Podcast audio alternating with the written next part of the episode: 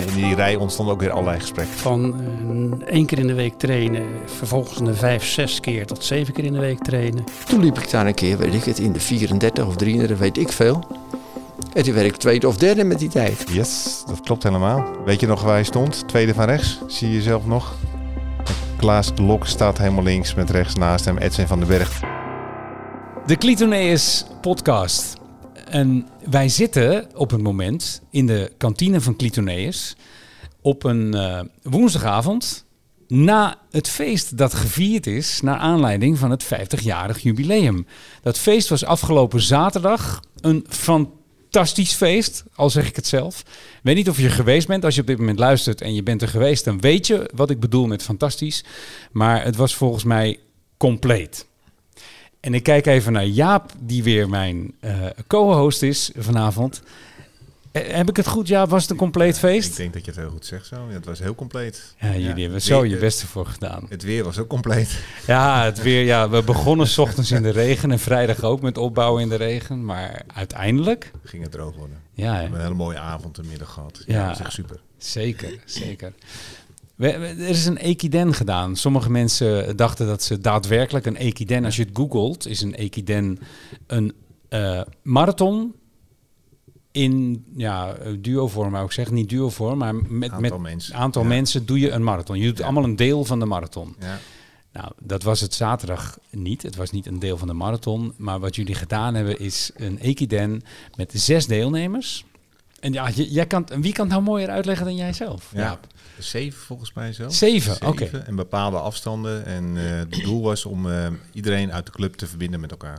Ja. Dus- Dus, en eigenlijk is dat heel goed gelukt. Het was echt een mooi, toen het begon hier, eh, een soort samenkomen van de hele vereniging. ja. En dat was eigenlijk ook wel het uitgangspunt. En dat is heel mooi uitgekomen. Nou, wat jullie ook mooi hadden gedaan, is dat de teams bestonden dus uit een wandelaar, Ja. eh, eh, sprinter, hardloper en het, het, ja, eigenlijk alle onderdelen van de club. Juist. Die zaten er wel in. Ik heb Ja. zelfs triatleten mee zien doen. Niet met wandelen volgens mij. Nee, precies. Was er iemand Dus aan het dat, eh, nee, nee, er waren powerwalkers die aan het, aan het Ja. wandelen waren. En, en het leuke was gezamenlijk finishen. Ja, er was geen nummer één, hè? De, met de fin nou, we hadden een aantal prijzen wel. We komen straks misschien nog wel op. Een aanste prijzen voor origineelste naam, de snelste tijd en de beste tijdinschatting. Die hebben we s'avonds nog eh, een prijsje uitgereikt. Dus, eh, maar dat was goed, super geslaagd. En voor wie het gemist heeft, neem ons in vogelvlucht nog eens mee door de dag na de Equiden, want dat was de opening. Nou, dat was de opening. Ehm, vervolgens waren we hier in de tent. Ja, ik wijs hier voor de luisteraar, die kan het niet zien. Ja. Op middenterrein de, een mooi, mooi eigenlijk dorp gebouwd. Dat eigenlijk wel eh, wat het was. Een groot dorp waar iedereen een, eh, een biertje, een drankje kon, eh, kon drinken.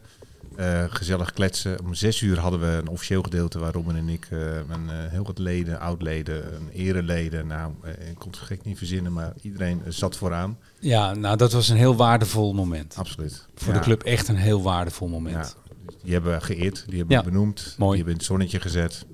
En vervolgens hadden we een hele lange rij mensen die wilden barbecuen. Ja, ja. Dat, maar eigenlijk was dat ook wel weer heel leuk. En Ja. In die rij ontstonden ook weer allerlei gesprekken. gesprekken en mensen zien elkaar. Hé, hey, ben jij er ook? Oh, Ja. leuk. Ja, 450 mensen in de tent Ja. op het middenterrein. Dus Ja. Ja, en het Ja. was, dat was wel nodig qua weer, want het werd s'avonds, het wordt al koeler s'avonds, dus ja, dat was toen ook wel heel mooi. En toen daarna een beetje muziek. Een beetje muziek van Ja. onder andere jou en, en jouw eh, crew. En ja. en de jongens van SR, van de, de Precies. Red Wave Disco Show dat, eh, stond hier. Ja, de voetjes gingen van de vloer, eh, Erik. Zeker. Mooie avond was dat. Absoluut. Maar we hadden nog wat eh, eh, podcastafleveringen te gaan eh, om het af te ronden. We zouden er een 10 of 11 maken. We zitten nu bij nummer 10, als ik het goed heb. Ik kan me daarin vergissen, maar volgens mij zit nummer 10. Ja. En we hebben weer twee gasten eh, zover weten te krijgen om aan te schuiven. Recht tegenover mij zit Rien. Rien van der Wild, welkom. Leuk dat je er Ja. bent. En naast mij, schuin tegenover mij, zit Hans van Mastwijk. En dat zijn voor veel mensen binnen de club geen onbekende namen, denk ik. En toch is het leuk om met jullie vanavond aan tafel te zitten. Omdat in de podcast die we hebben gemaakt, gaat het altijd een beetje over de geschiedenis van de club. En ik denk dat jullie onderdeel zijn van de geschiedenis van de club. En ja, jullie weten zelf niet, je zit me aan te kijken van hoe weet hij dat dan? Waarom is dat dat dan? Nou, Jaap heeft namelijk eh, wat voorwerk gedaan. En eh, eh, daaruit blijken, blijken wel hele mooie feitjes. Maar voordat we daaraan toekomen, zou ik eigenlijk met de klok mee... Zou je jezelf eens voor willen stellen, Hans? Aan mensen die nu luisteren en denken... Hans van Maaswijk, volgens mij ken ik hem, maar ik weet niet zeker. Waar kennen ze je van? Nou, ze kunnen mij eh, a priori uit de schaatswereld. En na een ongelukkige stijgrong op de Jaap Edebaan, eh, gebroken enkel, dus einde schaatsverhalen. Vervolgens eh trainde ik destijds met Wiebe Jannema. Ja. Trainde ik één keer per week. En in die tussentijd liep ik wat crossjes en tot de verbazing van iedereen en mezelf won ik die gewoon. Ik trainde één keer in de week.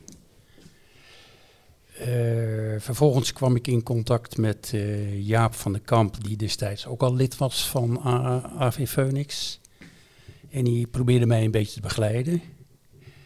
Na een tweetal weken ben ik eh, lid van AV Phoenix geworden.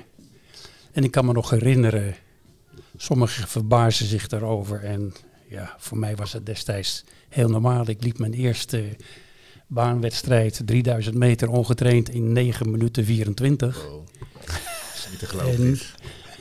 Dat is niet normaal. Vervolgens als eh, junior zijnde een eh, snelle, forse carrière gehad. En we zullen straks ervaren dat ik ongeveer dezelfde perikel heb gehad eh, als Rien. Van eh, één keer in de week trainen, vervolgens een vijf, zes keer tot zeven keer in de week trainen. Vervolg ernstige hamstringblessures.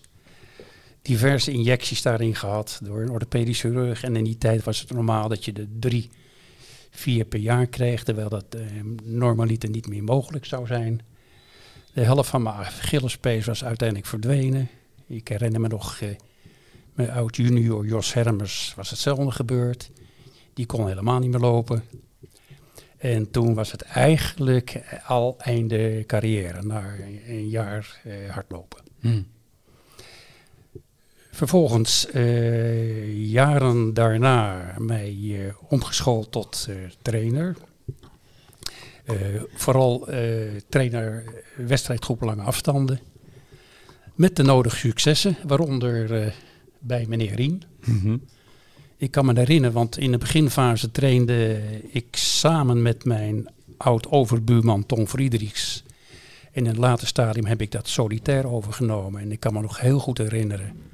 En dat was eh, ja, wederzijds, zowel bij Rien als bij mij, toch wel een electant succes. Eh, Nederlandse kampioenschappen Amersfoort. Toen liep er Rien, toen was hij inmiddels al veteraan.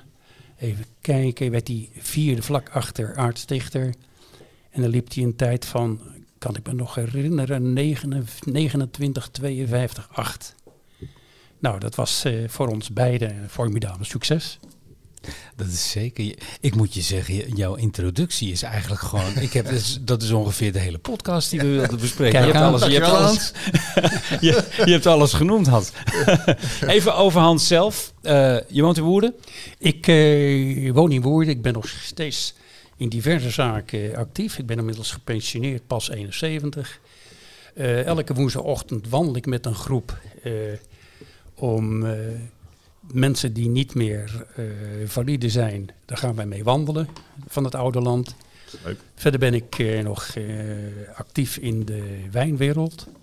Ik ga regelmatig naar Italië en dan bemiddel ik tussen wijnproducenten die nog geen, pro, nog geen importeur hebben in Nederland. En die probeer ik te koppelen aan importeurs in Nederland. Mooi. En vervolgens geef ik nog drie tot vier trainingen op wedstrijdniveau bij Clitoneus. Dat wil zeggen, ik heb een, een donderdagavondgroep. Ik verzorg dan op de woensdagavond op toerbeurt eh, de triatleten. Daarnaast, en dat is mijn meest amabele training, straks weer de fartlek in het wijkpark. Ja. En op zondagochtend een groep waar iedereen toegankelijk is. Ja. Nou, als iemand jou tegenkomt en die zegt dat hij jou niet kent, dan moet je zeggen: luister de podcast eens. Ja, dat, dat krijg je zeker herkennen. Je zou haast een goede wijn hierbij schenken, Hans. Maar hè, bij deze podcast. Het zou zomaar kunnen. Daar gaan we het niet over hebben nu, maar het zou kunnen. Dankjewel, Hans, voor je toelichting. Rien, kom ik bij jou. Vertel eens iets over jezelf. Eh, ja, ik heb. eh, Even kijken, ik heb in Delft gestudeerd. Als oorsprong ben ik wiskundige. Maar ik heb een groot deel van mijn leven bij de ING gewerkt. Eerst NMB, maar dat is via NMB Postmark ING geworden. En daar heb ik een groot deel gewerkt. En in 82 ben ik in Woerden komen wonen. En toen ik daar kwam wonen was ik ongeveer al eh, anderhalf jaar lid van de atletiekvereniging in Alphen. Want daar woonde ik daarvoor. Oké. Van die anderhalf jaar was ik wel een jaar geblesseerd. Want ik had die training wat te veel opgevoerd in het begin. Blessures zijn bij atleten. Nou, dat, toen vooral. Ik was erdoor gewaarschuwd door mijn trainer dat ik niet te veel op moest voeren. Maar ik dacht, ach, ik voel niks. Maar, nou ja. Maar hier, eh, toen ik hier in Woerden kwam wonen, toen was ik eh, wel redelijk hersteld. En toen heb ik toch best een hele tijd met nauwelijks blessures getraind. Toen ik hier kwam, toen was Jan Tuithof trainer. Mhm. En daarna, ja, ik weet niet welke volgorde. Hans is een tijdje mijn trainer geweest. Eh, Dick de Vries. eh, hoe heet die jongen? eh, Vlieger. Ton Friedrichs. Nou, goed, doet er niet toe. Maar eh, nou ja, het lopen ging verder heel behoorlijk. Ik had nog eh, weinig wedstrijden gelopen toen ik hier kwam. Maar ik denk dat ik, toen ik eh, een paar jaar lid was hier, dat ik ongeveer 40 wedstrijden per jaar liep. Jeetje. Nou, er waren natuurlijk een hoop wedstrijden bij. Gewoon eh, wegwedstrijden in de buurt. Het, eh, Mhm. daar hoefde je nauwelijks echt voor in te spannen. Dus dat viel wel mee. Eh, en ik denk dat ik in totaal ja, bijna 25 jaar lid geweest ben. Eh, ja, in 82 gekomen, zoiets zal het wel zijn. En ik, de laatste jaren trainde ik al minder, want ik weet niet wanneer hier een kunststofbaan kwam. Maar daar kon ik zo slecht tegen. Daar hebben we het wel over gehad, wanneer die gelegd is. Dat is zaterdag ook nog genoemd overigens. En ik moet je eerlijk zeggen dat ik het antwoord schuldig moet blijven. Maakt ik weet niet. het niet. Maakt niet. In is ieder geval, niet. ik ging toen steeds minder op de baan trainen. Want als ik getraind had, dat voelde alsof ik een wedstrijd had gelopen. Dan moest ik gewoon twee dagen rustig aan doen. Dus Door, door die kunststofbaan. door die kunststofbaan. Dus, dus ik kwam steeds minder.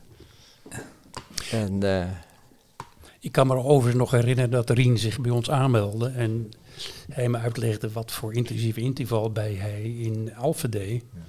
Liep die kilometers in 2,45. Toen, Tuurlijk. toen zei ik tegen Rien, altijd geblesseerd zeker. Nou, dat klopte ook wel. Ik zeg, nou, dat gaan we dus in ieder geval nee, doen. nee, nee, dat klopt niet helemaal, dat verhaal. Ik trainde wel wat harder als hier. Maar ik heb één blessure gehad. En dat was typisch iets van het opvoeren. Een shinsplint. En dat is typisch een beginnersblessure. En het is ook nog een blessure, als je die hebt, is die zeer hardnekkig. Tenminste, dat heb ik toen gemerkt. Het heeft meer dan een jaar geduurd. Dat je te snel te veel gaat doen. Het heeft, ja, het is Ja. echt Ja. een, be- een beginnerskwaal. En, en dat krijg je heel gemakkelijk van te snel opvoeren. Ja. En in alle gevallen is ook het tegen me gezegd, maar ja, toen ik begon ging het goed. Ik denk, nou, ik kan een beetje meer trainen, dan kan ik wel hard lopen. En shinsplint, voor degene die het niet weet. Iets aan je scheenbeen, het beenvlies of zo, dat is, het is, het is een pijnlijke, pijnlijke blessure. En eh, bij mij was die zeer hardnekkig. Ja. Dank voor je introductie. Leuk. Mag ik je vragen, hoe, hoe ben je in het eh, trainers... eh, eh, eh, ja, vak wou ik zeggen, maar dat is ook zo wat. Maar hoe, ben je, hoe is het toegekomen dat je eh, trainer bent geworden hier? Allereerst eh, opleiding, vervolgens een aantal cursussen gedaan. En ja, ik, ik was altijd geïnteresseerd in, in zaken bij mensen. Punt 1. Het plezier en bewegen staat bij mij voorop. Vooral luisteren naar je lijf. Dat eh, is afgelopen zondag tijdens de marathon van Berlijn weer eens gebleken hoe dat gememoreerd werd.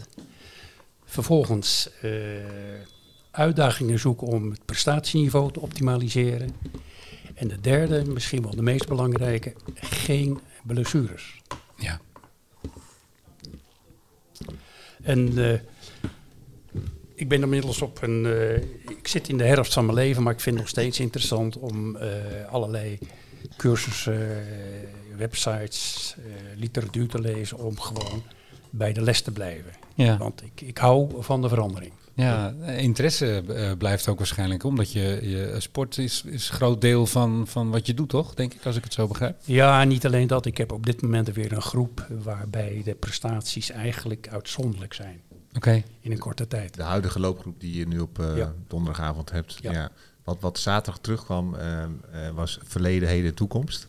Misschien ook leuk, eh, want ik wil jullie over trainingsmethodes, eh, waarom hebben jullie uitgenodigd? Maar die vraag ga jij misschien stellen. Nee, nee, nee. Ik, dat, dat, is- dat mag jij zo Maar meteen gaan doen. Dat vond ik wel Zeker. leuk. Jullie hebben een bepaalde ervaring in het trainen en, en, en er is iets in het verleden wat misschien nu nog werkt. Er zijn nieuwe ontwikkelingen, misschien kunnen we daar ook nog over hebben. In ieder geval, ik stel er wel wat vragen over. Ik vind het zelf interessant. je, je kaart het maar aan. We Ja, beginnen er nu over. We Jazeker. beginnen nu over.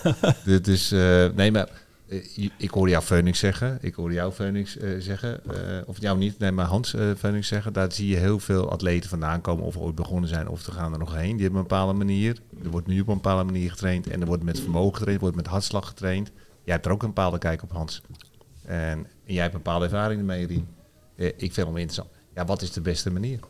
Nou, een beste manier bestaat niet. Wat voor atleet A geldt, hoeft niet voor B te gelden. Precies. Vandaar ook dat ik, wanneer ik mensen begeleid, zijn ze verplicht om een logboek bij te houden. Maak ik een schema van vijf weken, waarvan de laatste week, de vijfde week, dus altijd een rustmoment is. Wordt er minder getraind en dan wordt het altijd geëvalueerd. En in het uh, trainingslogboek staan zaken zoals eh, hartslagfrequentie, zelfde dag, zelfde tijdstip, eh, slaapritme, dagelijks melden in een, in een puntscore van 0 tot met 10 fysieke inspanning eh, scoren in, een, eh, in 1 tot en met 10 en de mentale inspanning 1 tot en met 10. En op basis daarvan ga ik eh, een eh, volgende schema aanpassen, versnellen of zelfs vertragen. Dus een heel persoonlijke benadering. Maar betekent ook wel wat huiswerk voor de atleten. En, Jazeker. eh, ja, zonder trainingslogboek begeleid ik geen atleet, dan wordt het natte vingerwerk. Noemen we ambitieatleten volgens mij. Nee, maar het, het heeft, geen, heeft geen zin om atleten te begeleiden als je geen feedback hebt. Nee, dat zeg ik. Dan heb je een bepaalde ambitie toch ook als Ja. atleet. Ja? Dat klopt. Oké, mooi. Eh, en vermogen hoor ik jou niet zeggen. Ik ben niet mee bezig, misschien in de toekomst. Maar eh, ze hebben geen vermogensmeter. Een aantal hebben een vermogensmeter. Oké, dus Ja. moet je ook bijhouden het vermogen. Jazeker. Ja. Kijk, heel wat data. Ik, ik begrijp, want je hebt het over trainingsmethodes, maar Ja. je geeft dus ook training, Rien. Ik geef geen training. Je Heb- geeft heb geen ik- training. Heb ik ook nooit gegeven. Je, je hebt alleen getraind volgens ik bepaalde methodes. Ik heb, wat ik al zei, ik heb hier een reeks van trainers gehad die allemaal toch weer een beetje Ja, ja. anders trainden. Ah, oké, zo. Toen ik kwam, toen gaf Jan Tuithoff training en die gebruikte de methode die ook Verheul van Phoenix eh hanteerde. Weer Phoenix. Nou ja, dat was de training. Dat betekende winters 400 en duizendjes in een relatief rustig tempo. Ja. En zomers gingen de duizendjes eruit naar de 200 Nou ja, het, het werkte op zich goed. Eh, nou ja, ik was een jaar dan geblesseerd geweest. Dus als je dan weer een, een tijd stabiel kan trainen, dan ga je heel hard vooruit. Ja. Eh, ik, ik heb er wel aan overgehouden dat eigenlijk trainen helpt niet. Je moet fokken. Je hebt in Nieuwebrug een vereniging die heet Doorveredeling Verbetering. Maar dat heb je nodig. Ik was hier twee jaar op de club en toen liep ik op met vier keer trainen per week. En het waren bij Jan Tuithoff best rustige trainingen. Eh, tenminste, als ik kijk wat ik daarna heb gedaan. 400 in, 3, 4, 75 of zo. Nou, fluitend liep je die. Eh, toen liep ik, acht, ik weet nog goed, 823 op enig moment op de 3000. Het was toen voor mij een persoonlijk record. Het was ook een clubrecord op dat moment. En nou, dat is dan geweest in, weet ik het, eh 83, 84.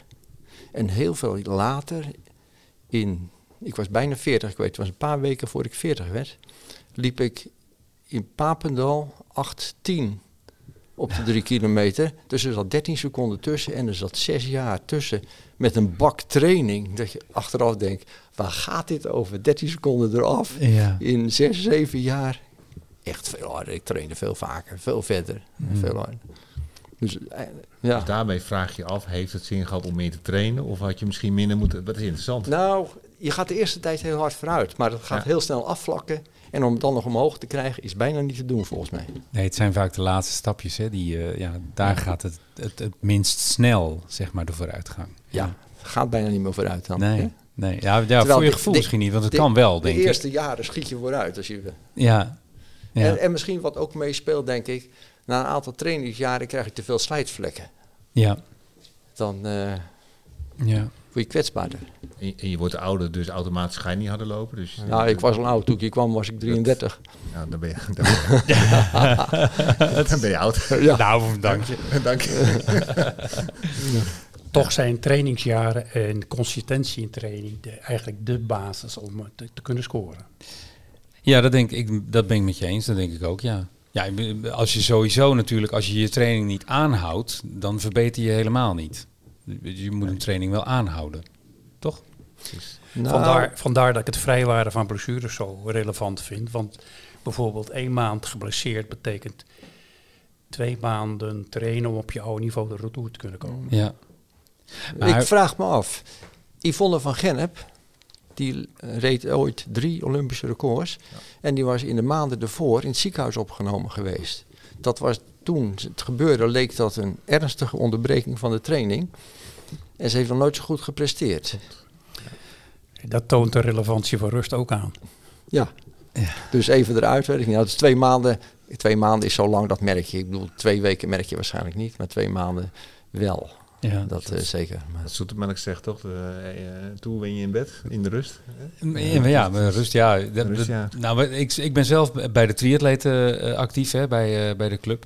En eh, ben daar niet meer, maar was daar jaren fietstrainer. En ik had ook altijd dat je, eh, eh, je hebt je intensieve trainingen nodig, maar eh, de duurtrainingen, dat zetten zoden aan de dijk. Dus duurtrainingen doen, maar ook eh, momenten dat je denkt van, nou, oké, deze week doen we, we, we gaan wel fietsen, maar het hoeft niet hard, het hoeft niet ver, en dat gaat er niet in, mijn mensen. Dat, dat, dat is raar, dat kan niet, want je moet ver en hard, want die wedstrijd komt eraan. En, eh, en dat, dat, is doorgaans nog steeds de instelling van vele triatleten. ja, Trainen te hard met te weinig rustrelevantie. ja, ja. Ja, maar geen misverstand. Je loopt niet hard als je niet te regelmatig hard in training gaat hoor. Je kan het Nee. overdrijven, maar Nee. hard in wedstrijd gaat alleen maar als je hard in, in trainingen loopt. En Jan Tuithoff die was daar best wel behoudend in, maar Tom Friedrichs die liet mij drie kilometers in training lopen van negen rond hè. Als voorbereiding om intervaltraining daarna. Dus eerst beginnen met een 9 en drie kilometer in 9 rond en dan eh mijn intervallen. Dus. Ja, En toch bij iedere trainer, bij iedere nieuwe trainer ging ik vooruit. En dat heeft volgens mij vooral mee te maken, dat is anders trainen. Het is niet eens zozeer wat, maar op een moment is zo'n training die, eh, ja, dat vlakt af omdat het te weinig variatie in zit. Krijg je andere trainer, pak het anders aan. En dat heeft eh, volgens mij vaak toch weer een positief effect. En dat is niet ineens dat die training beter is dan die andere, maar gewoon de afwisseling. De verandering, ja. Variatie is dus eh, belangrijk. Het is wel leuk om wat ingrediënten op te halen. Zo vanavond wat nou een goede trainer is. Nou, ja, en, dus, dus, en de dus- trainer als persoon kan natuurlijk ook inspirerend werken. ja. ja, zeker. Nou, toen ik lid werd, werd hier eh, met hardlopen bij Dick de Vries, je noemde hem al, zag ik jou inderdaad aan de overkant al lopen en dat ging in een tempo. En het souplesse ook viel me op dat jij heel soepel liep. Zo'n soort treintje. Dat, Voorvoetlander, hè? eh, ja. maar dan denk ik, hoe kan dat? was op de gravelbaan. Hoe kan iemand zo hard lopen? En eh, ik, denk, dat- ik vond het wel mooi. Dat inspireert dan wel. En dan liep je 29. eh, je PR, voor mij heb je nog steeds staan, toch? Op 29, 57, 69? Nee, 29, 52, 18 Amersfoort. Oh, En ja. 2957 is mijn veteranenrecord. Die bedoel ik, ja. Maar dat is onder de 30, denk ik. Goeie toch, zeg. Dat zijn er niet veel die dat... eh, Het is nog steeds Nederlands record, hè? ja, je zei het zaterdag toen ik je Ik sprak. heb- Ik, had, eh, ik heb nog steeds het Nederlands record 1600, bij de mannen 40 dan. 1600, 3000, 5000, 10.000. Prachtig, Die staan bijna 30 jaar of zo, of daaromtrent. prachtig. Is het nu ook zo dat er nu, het valt me wel op, want Niek, jij zei het al, die liepen hier laatst in de 32 eh, onderlinge baanwedstrijd. Eh, maar zijn er niet meer lo of minder lopers die nu hadden, wordt dat groepje niet kleiner? Dat Absoluut. er vroeger, viel me op, vroeger werd er veel harder door een grotere groep gelopen. In die tijd dat ik trainde bij Jan Tuithoff hadden we in ieder geval vier mensen die ruim onder de 16e 5 kilometer liepen. Want we gingen wel eens met z'n vieren naar een wedstrijd. en ik weet niet of dat daarna nog vaak volgekomen is dat er vier lopers waren die onder de 16 konden Maar lopen. dan denk ik, hoe kan dat? We hebben mooiere schoenen, we hebben betere schoenen, we hebben meer inzicht in methodes en, en powermeters, en noem maar op.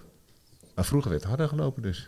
Ik, ja, dat is zo. Er zijn minder mensen die op de baan lopen, denk ik. Het lijkt me niet zo populair. Als je kijkt nu om je te plaatsen voor een Nederlands kampioen op 5 kilometer, dan kom je met eh 14,45 14,45 plaats je je wel. Want ze hebben dan gelijk finale, hè? vijf kilometer hebben ze gewoon tijd. En als je die gelopen hebt binnen het jaar ervoor, dan mag je meedoen aan de vijf kilometer. Dat is Ja. gelijk finale. In de tijd, in de 80 jaren, toen ik daar actief in was, toen moest je altijd onder de 1430 lopen om je te plaatsen. Dus, ja, dat is opgeschoven. En ik heb, dat is trouwens anders, ik heb ooit eens in de 80 jaren eh, in eh, 10 kilometer in Schoonhoven gelopen. En dan werd ik een keer achtste en toen liep ik net onder de 30 op die 10. Moet je nagaan, achtste. 300 meter baan, hè? Ja. Nee, nee, dat is op de weg. Op de weg. Het is de, de, park, Oh, de parkloop. de 10 parkloop. de 10 Oh, kilometer ja, weg. Nee, niet op de baan. Die baan die was natuurlijk waardeloos daar. Of in ieder geval, ja, een klein rondbaantje. En jaren later, toen was ik al, al ver in de 40. Toen liep ik daar een keer, weet ik het, in de 34 of 33, weet ik veel. En toen werd ik tweede of derde met die tijd. ook een keer. En ik ben trouwens ook hier in de singelloop een keer derde geworden. Met ongeveer 30 rond. Jeetje. Twee derde. Hè? Weet je, derde. Die stond wel Ja. op podium, Rien. Ja. Ja, maar ik ben toch derde. Nagaan. Als, ik nu de- eh, als er nu iemand 30 loopt, de single loopt, dan is er een grote leegte achter hem hoor. Ja. Nou, Ja. de, berei- de bereidheid om te investeren in, in, in, in training is beduidend minder. Precies. Ja. Weet je nog hoe... eh, ik laat een foto zien aan Hans voor de luisteraars. Hans, hier sta jij op. je, kijkt, je kijkt verschrikt. We hebben ons huiswerk gedaan. Weet je nog hoeveel zie je werd daar? Ik, eh, even voor de luisteraar. Het is een foto en een, een wedstrijd. Nou, Hans mag hem toelichten. eh, als je hem nog weet, Hans. En anders ga ik jou wat eh, daarin meenemen. Dit lijkt de Malibaan-loop, of niet? Dat klopt helemaal. Weet je nog waar hij stond? Tweede van rechts. Zie je zelf nog? Klaas Lok staat helemaal links met rechts naast hem. Edwin van den Berg, die trouwens hier op het... eh, ja, die was er zaterdag. Die was er op het zaterdag. Hebben we het ook over hardlopen. Ja. Eigenlijk ook een beetje in lijn wat Rien zegt. Dus, dus eh, de Malibaanloop. Ja. Dus ik, ik, ik kon niet veel foto's nog van je vinden over loop, maar deze vond ik wel mooi. Dus eh, weet je nog hoeveel je werd daar? Geen idee. Ik weet dat het een 10 kilometer was. Twee of drie rondjes rondom de Malibaan. Of vier of vijf. Geen enkel idee. Oké, en we hadden het zaterdag over jouw tijden, eh, die je ooit gelopen hebt op 10 kilometer. Ehm, eh, jouw snelste tijd op de 10 was... 31,50 slechts. En die heb ik maar één keer gelopen. Je hebt één keer 10 kilometer Ja, gelopen. dat was eh, in Pak, Rotterdam. op de Neenuitenbaan. En er was er een... eh, eh, hoe heet die ook alweer? Nou, geen idee. Oké, maar dit was ook een 10 kilometer, Hans. Dat is een 10 kilometer, ja. Dus- maar is op de weg. Oh, op ja, helder. Dus, het is oké. Mooi. Mooi die oude foto's. Ja, dat is zeker mooi. Ik, ik, dat, dat is jammer. Heb je dat bij je wat er zaterdag eh, eh, eh, hing rondom in de feesttent?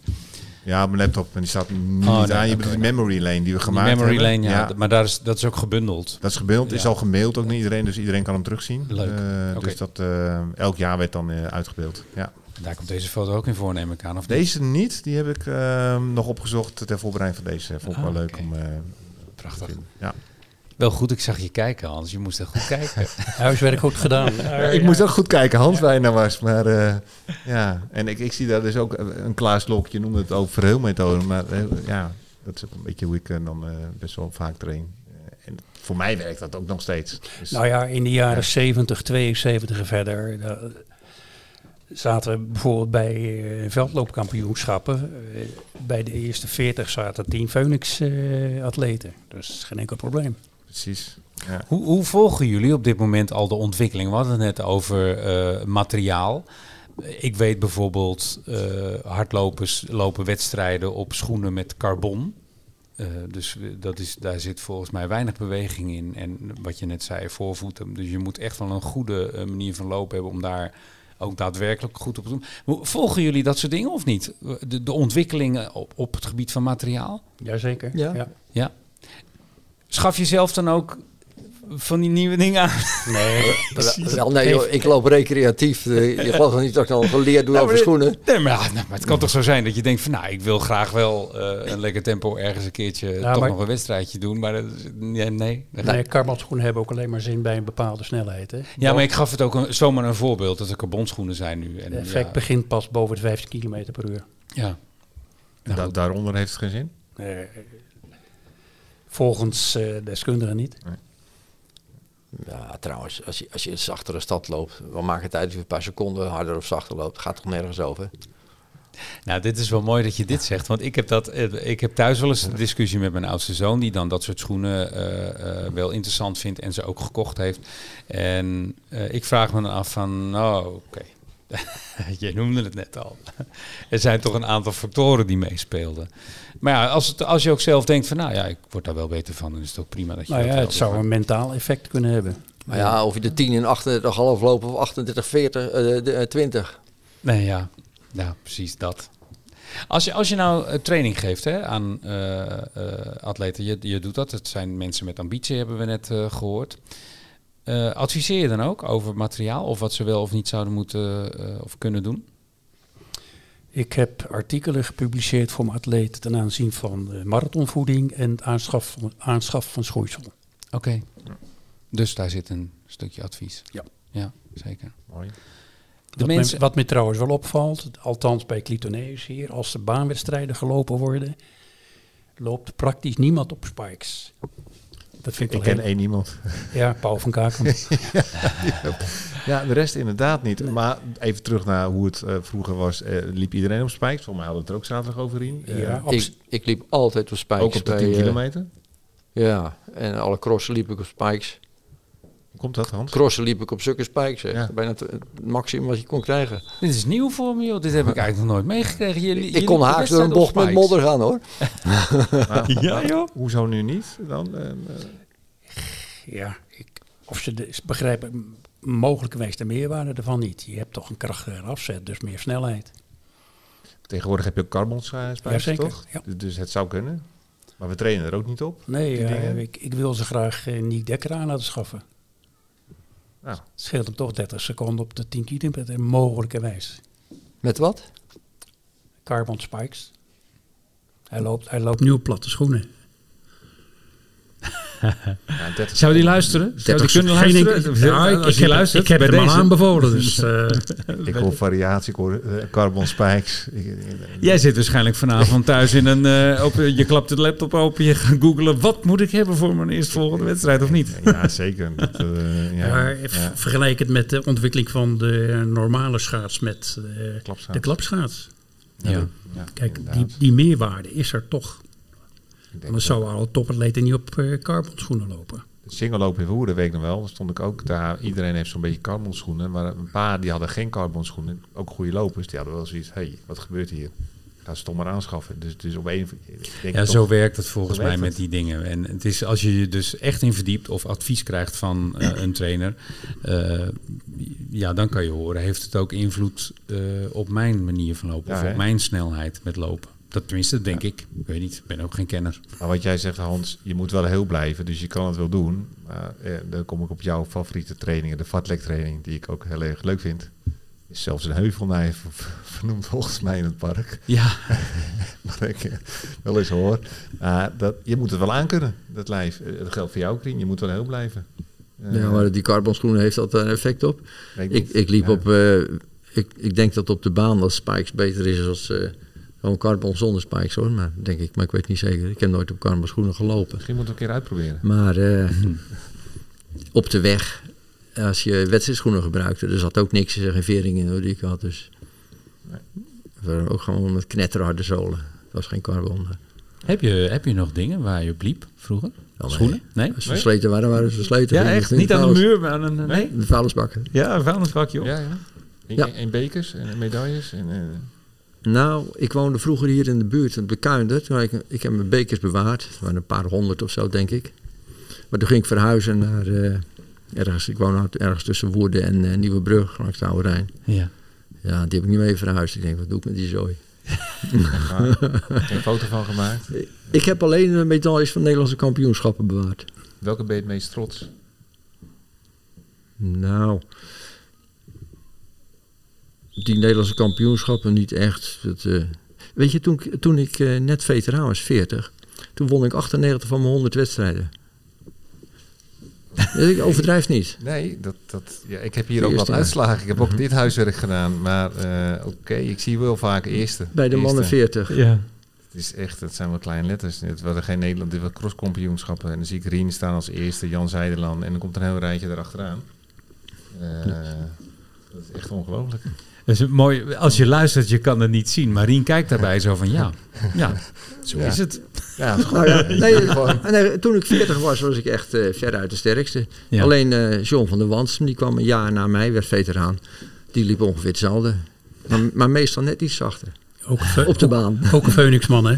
ja. Maar het is wel een lekker gevoel, toch? Ja, het is een mooi verhaal er misschien wel van. John van der Wansum, die was één jaar jonger dan ik. Werd één jaar later 40-plusser. Dat was toen de veteranenleeftijd. En die kondigde aan en ging alle Nederlandse baanrecords lopen. En eh, dat deed hij het eerste jaar ook. Gelijk de drie pakte die van mij. Ehm, en datzelfde jaar zou hij de tien pakken. Zei hij. Want het was een tien Nederlands kampioenschap senioren. Had hij zich voor geplaatst, maar ik ook. En hij had voor de wedstrijd al tegen de jury gezegd... ze moesten een formulier hebben... want hij ging Nederlands kampioenschap veteranen lopen. op de 10 kilometer baan. Dat was in Rotterdam. Vastberaden heet dat, hè? Ja, ja. ja. Ja, ja, ik dacht, ja, ik wist dat het een goede loper was. En onder, onderweg was hij op enig moment, ik denk wel, nou, 120, 150 meter weg van mij. Maar helaas, hij was ver weg. Maar eh, de tweede helft kroop ik dichterbij. Toen dacht ik, hé, hey, er zit een slijtage in. En een eh, anderhalf rondje voor het eind zat ik naast hem. Toen dacht ik, nou, nu is hij gezien. En dat was hij dus ook.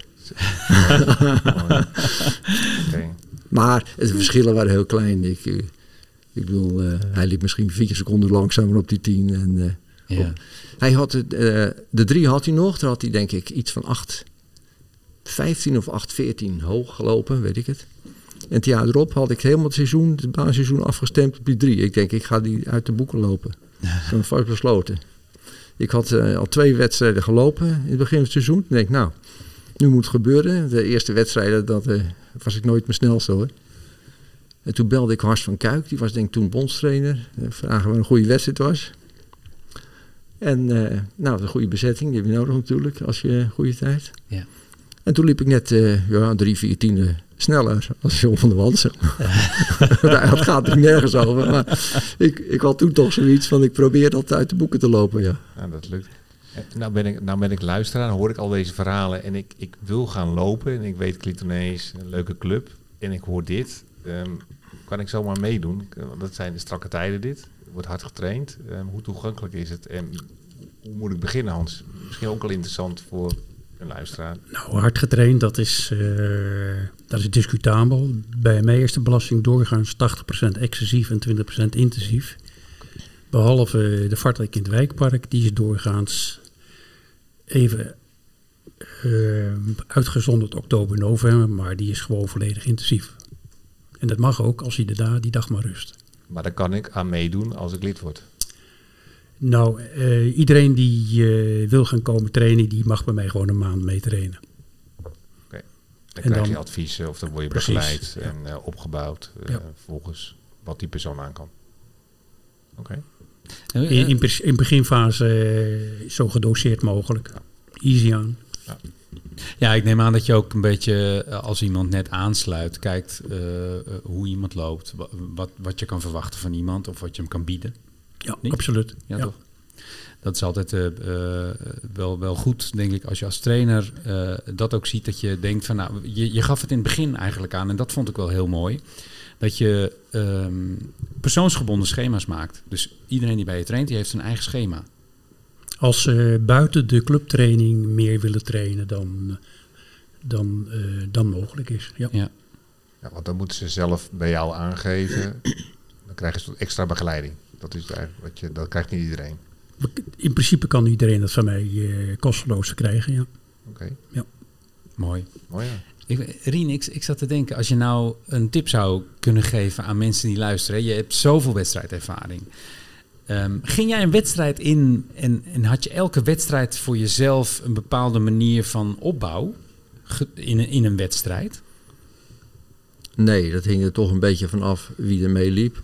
Uiteindelijk, eh, de, de goede lopers kende ik allemaal. Het was natuurlijk mijn handjevol die echte concurrenten waren in die tijd. Ja. Als ik bij een wedstrijd kwam, dan wist ik al van tevoren, nou, ik word hooguit vierde bijvoorbeeld. Gewoon als die gasten er gelopen. En dan eh, kon ik nog een beetje schuiven daarna. Ja, dat is Eh, ook dus- mooi, want je zei net al toen je eh, eigenlijk die drie eraf wilde lopen weer. Dus eh, eh, dat je keek naar welke wedstrijd ga ik doen en wie lopen er. Dus dat kan heel bepalend zijn voor wat je zelf gaat lopen. Ja, maar bij, bij die baanwedstrijd die ik zocht, zo- dan zoek, eh, voor een tijd zoek je een wedstrijd met flink tegenstand om een goede tijd te lopen. Ja. Anders moet je alles kop doen. Ja. Maar bij wegwedstrijden met name, daar liepen veel grotere groepen, hè? Altijd. Mhm. Op een baanwedstrijd start je met 15 man of zo, weet ik het. Zo weinig. ja. Bij een wegwedstrijd zijn er veel meer, maar de, de meeste wegwedstrijden, als ik daar kwam, de, ik keek even rond en denk nou, het is eh eitje vanmiddag. Of je denkt, ik word maximaal vierde, zoiets. Je, je kent al die lopers, nou, zeker als je zoveel wedstrijden liep. dat is heel mooi. Maar even, even, even eh, om mijn vraag. eh, eh, de, het is mooi dat je dat, mooi dat je dat zo zegt. Als je nou als loper ehm, iemand een tip zou geven van... oké, heb je het nodig om voor jezelf in een wedstrijd te weten van... oké, ik ben er, ik ben iemand die langzaam moet beginnen, opbouwen gedurende de wedstrijd... en aan het eind over moet hebben om een versnelling in te kunnen zetten. Dat soort dingen. Daar, daar liep je niet, dat zat nooit in je hoofd voordat je ergens ging? Ja, enigszins. Maar het hangt af wie je loopt. Als je, denk je, wil rustig beginnen, maar er zijn lopers die hard weggaan. En waarvan je denkt, ik doe hetzelfde. Dan is toch een dilemma, laat ik ze lopen of blijf ik erbij? Ja. Eh, vaak koos ik er dan om erbij te blijven. En voor een loper maakt ook uit, hoe ben je aan het eind? Wij hebben hier een loper gehad, Rut Stichter. Dat was een hartstikke goede loper. Maar dat was echt in staat. Die liep een halve marathon.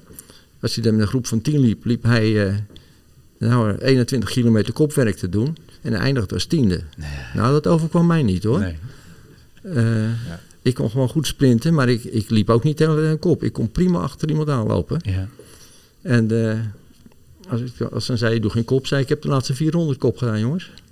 Precies. Kortom, Maar keek jij wel op de tijden op hartslag en die dingen? Of was het gewoon Nee, ook op de groep? Nee, nee, ik trainde wel met speciale trainingsschema van Hans en van Juist. Ton Vries. Die schreef een sch- schema met eh, regelmatig hartslagmeting erbij. Niet alles, maar... Maar in een wedstrijd zet je op de groepen wie er meeloopt en volg Ja. je dat, zeg maar. Dan ga je niet op je klokje kijken. eh, Nee. eh, Oké. Ja, Op dat is- gevoel. Dat is ook voor iedereen verschillend. Ik, eh, ja. Of niet? Je, je loopt Ja. dan op gevoel, want je denkt van oké, ik blijf er nu achter. Ja, Dat is een beetje van, inschatten. eh, ja, Hou ik dit vol of niet? Ja. ja, En eh, wie loopt er allemaal? ja. En dat, dat weet je van tevoren natuurlijk niet. Nee.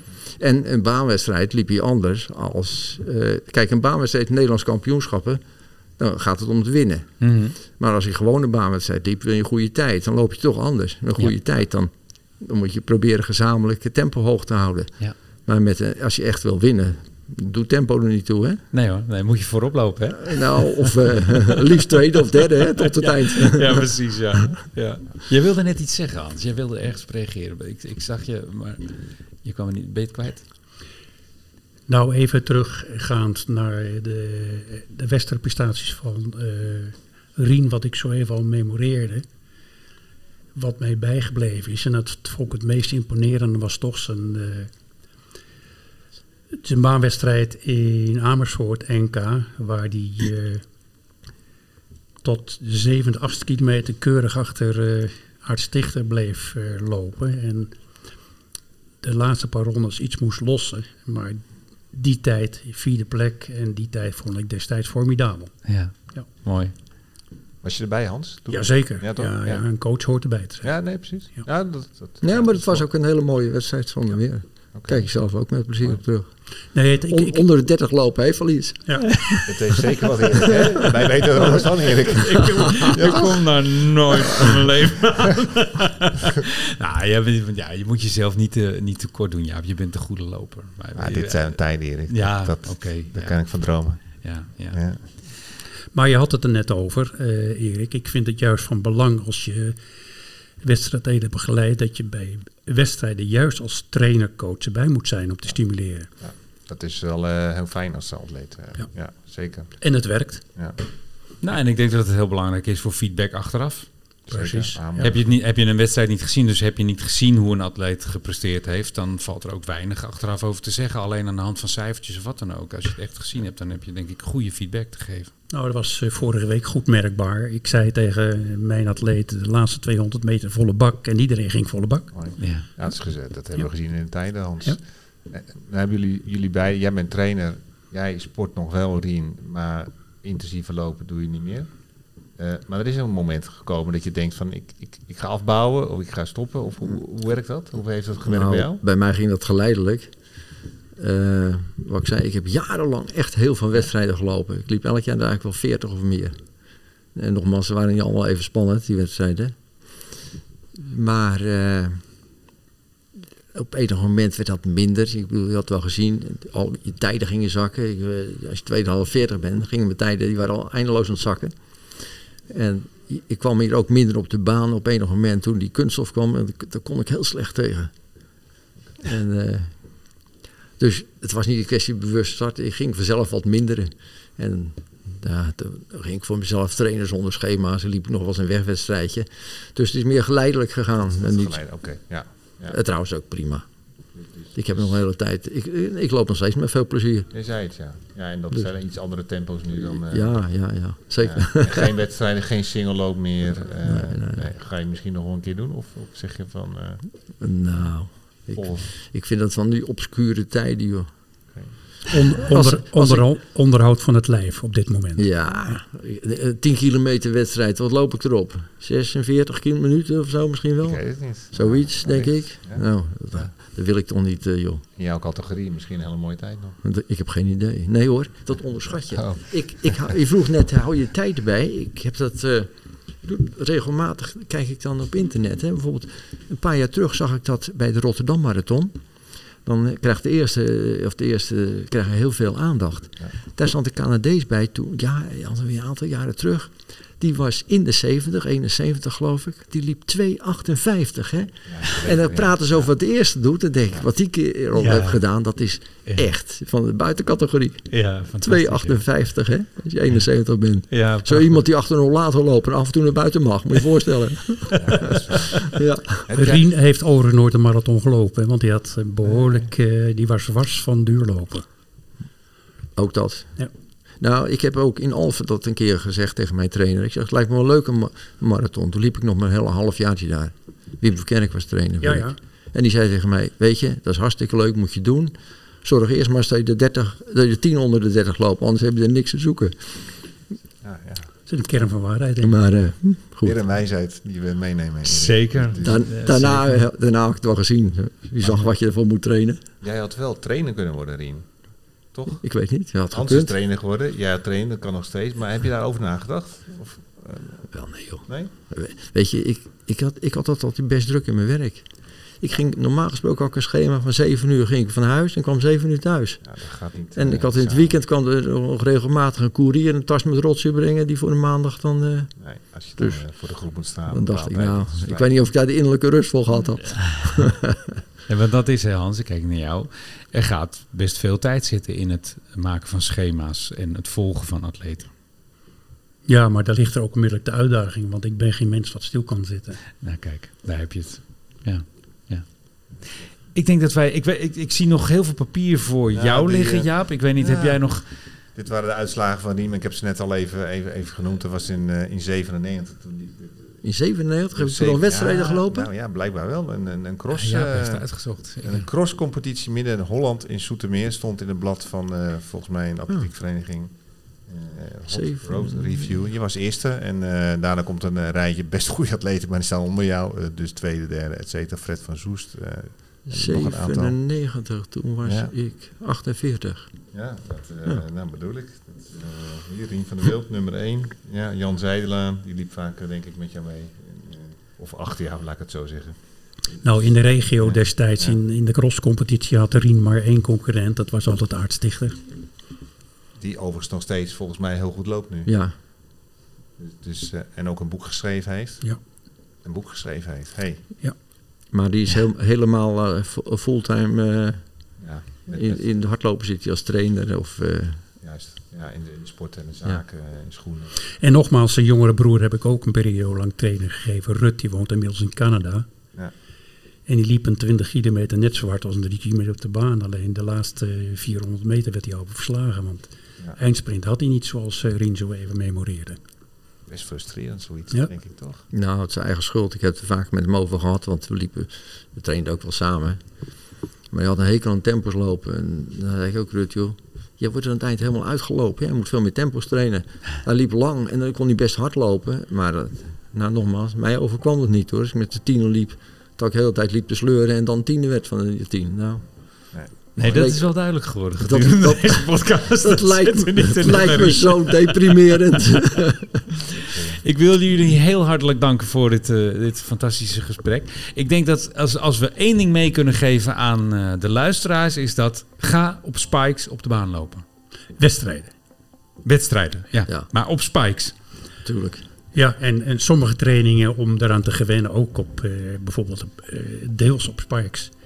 In, in, in onze tijd, maar dat waren nog Sintels bij Herman Verheul, trainden we drie keer in de week eh, op spikes. Nou, ik zou je zeggen, ik lag me rot als we over een half jaar een trend zien in spikes op de baan. Spikes en variatie volgens mij. En ook zeker de vatlek trainingen, Hans. eh, du- dus, en dat wordt ook bij variatie volgens Ja, mij. Dus Rien had overigens altijd een hekel aan oefeningen.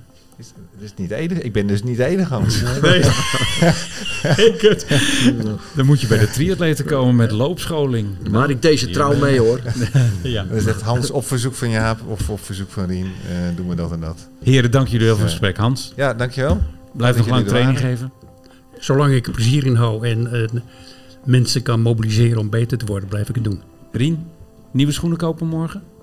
Ik heb nog twee paar schoenen. Ah, dat is niet nodig. Dat is genoeg. Jaap, onder de 30 duiken? Ik ga het proberen. Ik heb wel, eh, ja, ja, het lijkt me wel gaaf. Op de Nou. vijf, op de vijf. Dankjewel. Hopelijk tot de volgende podcast eh, als je luistert. En, eh, eh, ik, de, de volgende is trouwens misschien wel leuk. Om alvast aan te kondigen, dat, dat zit nu in mijn hoofd. Ik weet niet of het ervan gaat komen. Wordt een recap van alle afleveringen die we hebben gehad. Dat is niet dat we dan met 20 man, want zoveel microfoons kunnen we niet opstellen, maar met 20 man gaan zitten. Maar het lijkt me leuk om weer eens samen te gaan vatten. Ik heb afgelopen zaterdag Jeroen gesproken. Leuk. Ja, Jeroen, wie? Zengers? Ja. Ja. Die vindt Hij het was heel hier, leuk. Ja. Ja. Ja, ja. En die vindt het heel leuk om nog een keertje aan te schuiven. Dus wie weet, de volgende een soort van, van recap. Lijkt me zo leuk. Ik vond het leuk om met jullie aan tafel te hebben gezeten. Dankjewel. Oké, Dankjewel. dankjewel.